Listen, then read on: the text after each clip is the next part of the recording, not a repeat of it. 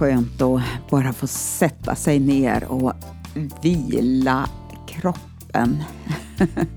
Jag har varit ute idag. Nu är det kväll, men jag har varit ute idag och jag har rensat och klippt buskar och slitit och dragit och sågat och grejat. Och det känns, det känns rejält. Så um, imorgon vet jag inte riktigt hur jag gör. Man kanske behöver vila en dag emellanåt också. Välkommen in my living room. Jag heter Eleonora Lahti.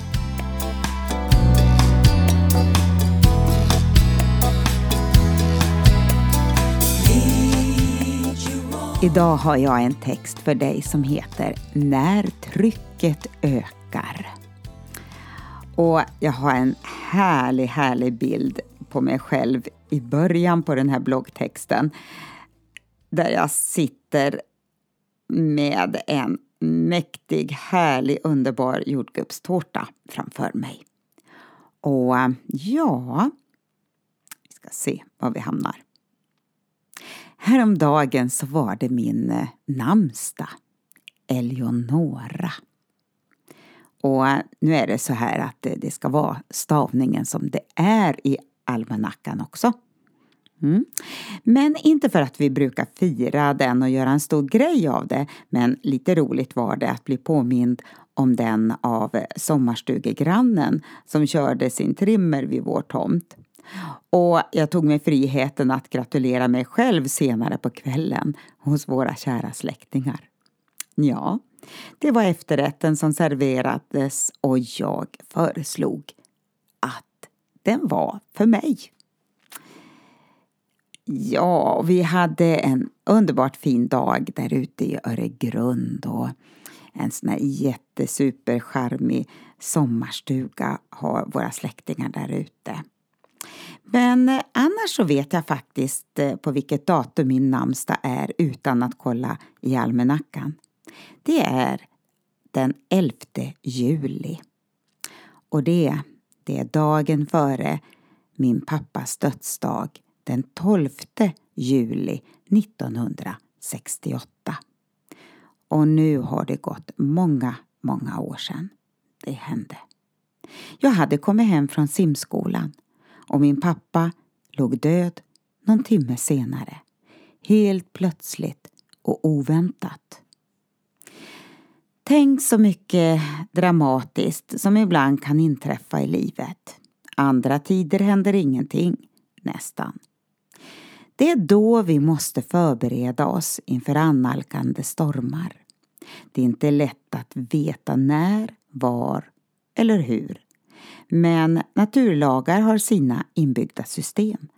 Liv, hälsa och sjukdom har sina. Ekonomiska lagar har också påverkan som vi kan se runt om i världen. Och eh, när jag skrev det här då blev jag, mm, skrev jag om Grekland faktiskt. För där jämför man befolkningens utsatta situation med en naturkatastrofs inverkan. Och så våra sociala mänskliga relationer som sätts på prov. Det kan eh, bryta fram som värsta tsunamin med förödelse. Och vi är en liten människa. Och vad kommer ut ur vår mun när trycket ökar? Här hemma så har vi en råkostmaskin. Det är inte en råkostcentrifug. Och den här råkostmaskinen den pressar ut saften från frukt och grönsaker som man stoppar i den. Och om jag stoppar i morötter, ja men inte kommer det väl ut tomatjuice då heller. Och samma sak i våra liv. Stoppar jag in ett och annat i mitt liv är det det här som pressas ut ur mig i just det pressade situationer.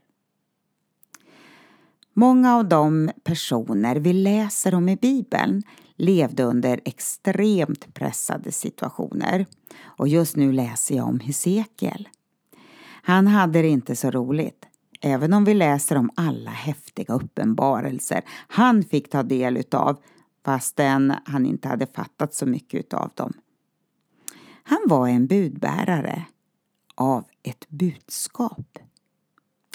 Han var en av de 10 000 som blev bortförda som krigsfångar till Babylon och hans hemland låg i ruiner. Och han får Guds kallelse att tala till ett upproriskt folk.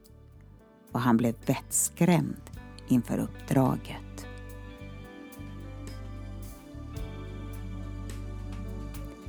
Du människa, låt alla mina ord först få sjunka ner i ditt eget hjärta.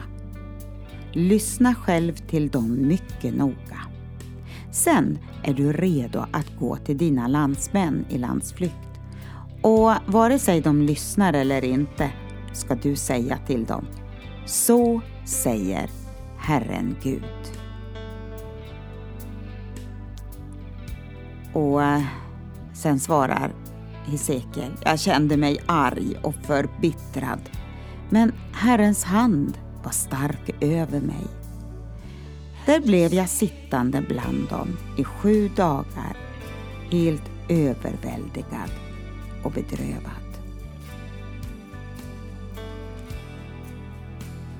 Och Gud talar vidare här i Hesekiel kapitel 3. Gå och lås in dig i ditt hus. Jag ska göra dig förlamad så att du inte kan gå därifrån. Jag ska låta din tunga fastna i gommen så att du inte kan tala bestraffande till dem när de är upproriska. Bara, lyssna på det här, bara när jag ger dig ett budskap ska jag lösa din tunga och låta dig tala. Och du ska säga till dem, så säger Herren Gud. Några kommer att lyssna, andra kommer inte att göra det, för de är ett upproriskt folk.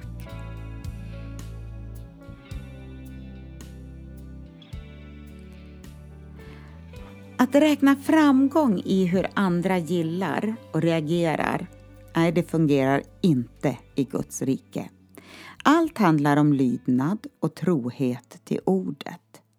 Vår egen framgång och våra egna förmågor kan faktiskt leda oss på avvägar om vi inte är uppmärksamma.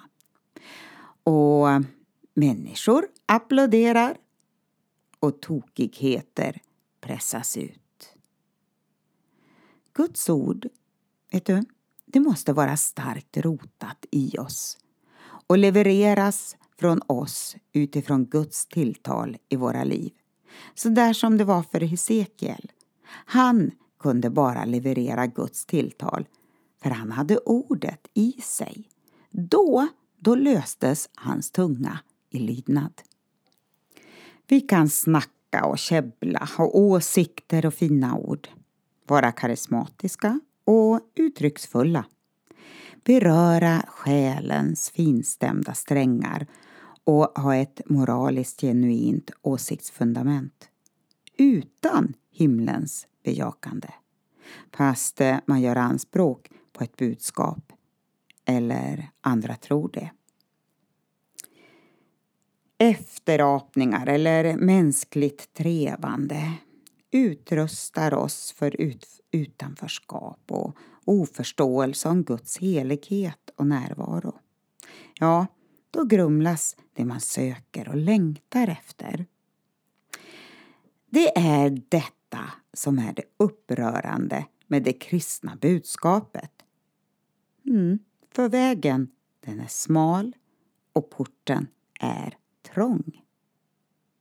Men Kärleken är gränslös och nåden är oändlig.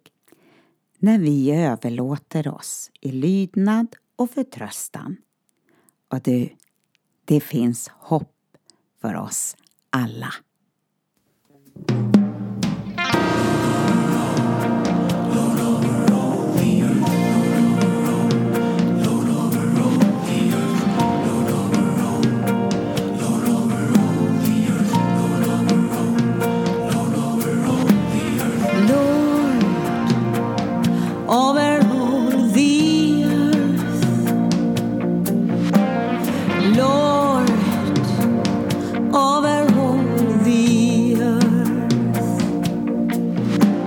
Lord.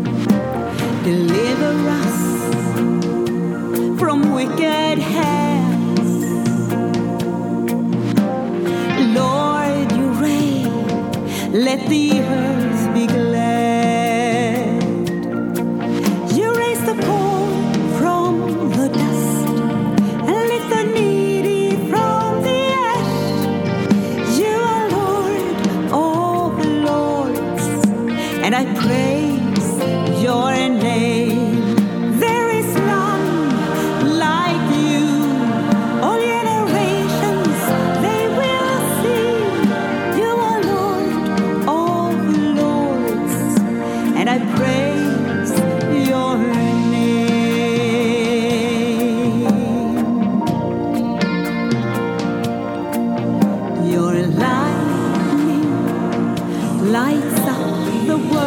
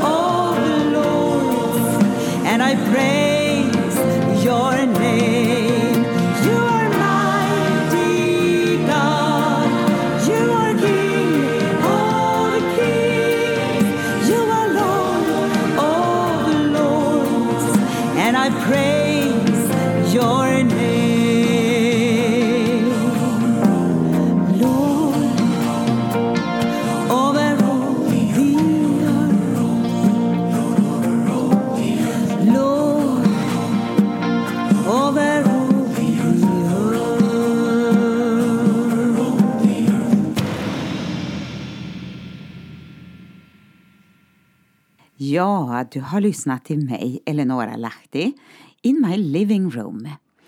Vi ses återigen. Det kommer nya program hela tiden. Härligt att du har varit med. Gud välsigne dig. Hej då.